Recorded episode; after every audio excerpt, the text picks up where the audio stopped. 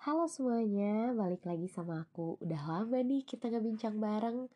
Tapi kali ini aku mau bahas masalah yang sedikit beda nih dari podcast-podcast sebelumnya. Oke, sebelum mulai, izinkan aku perkenalan diri terlebih dahulu. Pepatah bilang, tak kenal kata sayang. So, dari itu aku mau perkenalan dulu nih. Nama aku Haifan Noviana Rahman, mahasiswi Sains dan Teknologi Farmasi dari Institut Teknologi Bandung dengan NIM TPB 162 dan 1064. Berdasarkan perkenalan yang tadi, mungkin teman-teman udah tahu nih aku mau bahas masalah apa, nyerempet ke mana, dan kira-kira bahasannya apa. Yap, kali ini aku mau bahas masalah di ruang lingkup farmasi, jurusanku di kampus. Mungkin teman-teman sadarin di tengah pandemi COVID-19 ini banyak sekali aktivitas-aktivitas baru dan kebiasaan-kebiasaan baru yang mengharuskan kita untuk beradaptasi.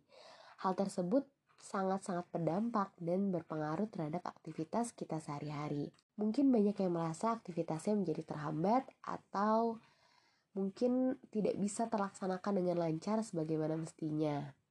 Begitupun dengan pelayanan farmasi yang semulanya dilakukan secara langsung, kini banyak sekali beralih menjadi pelayanan farmasi secara digital. Hal ini juga diperuntukkan demi mengurangi kontak langsung dengan orang lain dan memutus rantaian penyebaran pandemi COVID-19 ini. Sehingga pandemi COVID-19 ini bisa cepat selesai. Adanya peralihan pelayanan kefarmasian dari secara langsung menjadi digital ini juga karena adanya perkembangan teknologi. Tentu teman-teman sadari bahwa perkembangan teknologi akan terus ada dan tidak dapat kita cegah. Maka dari itu, pelayanan farmasi mengimbanginya. Adanya pelayanan farmasi secara digital ini tentu berdampak baik di tengah pandemi COVID-19 ini. Banyak sekali pihak yang dapat menggunakan serangkaian-serangkaian pelayanan farmasi yang telah disediakan.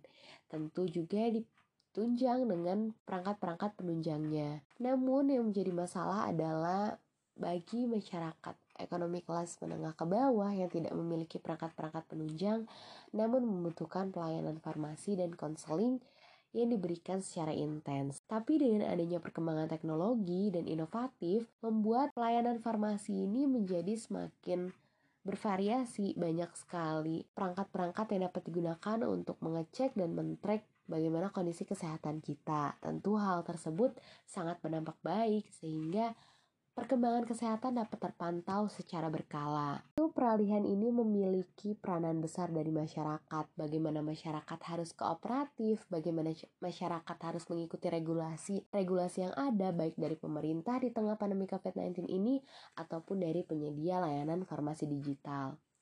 Dengan adanya pelayanan farmasi digital ini tidak mengharuskan kita untuk datang langsung ke tempat, bahkan di jarak yang jauh pun kita masih bisa untuk melakukan layanan konseling.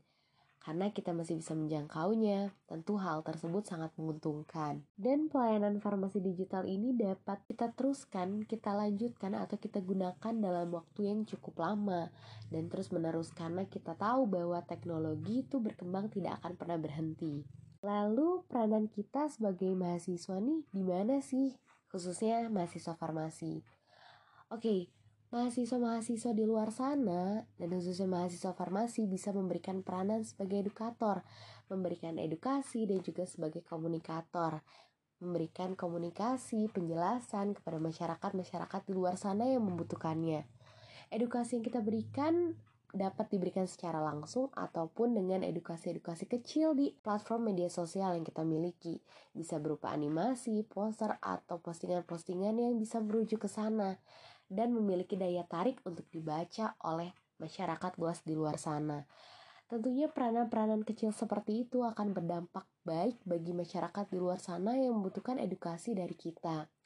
Kita sebagai insan akademik yang memiliki potensi dan juga kapasitas sesuai kemampuan yang kita miliki harus memberikan peran sebisa mungkin. Maka dari itu, kita mahasiswa farmasi tengah peralihan pelayanan farmasi secara langsung menjadi digital dapat memberikan perannya sebagai edukator dan komunikator kepada masyarakat. Mungkin bahasan podcast aku kali ini cukup sampai di sini. Buat teman-teman di luar sana yang belum dengerin podcast-podcast aku sebelumnya bisa banget untuk dicek dan jangan lupa juga untuk nantikan podcast-podcast selanjutnya. Mungkin cukup sampai di sini. Mohon maaf bila ada kesalahan. Sampai jumpa di podcast berikutnya.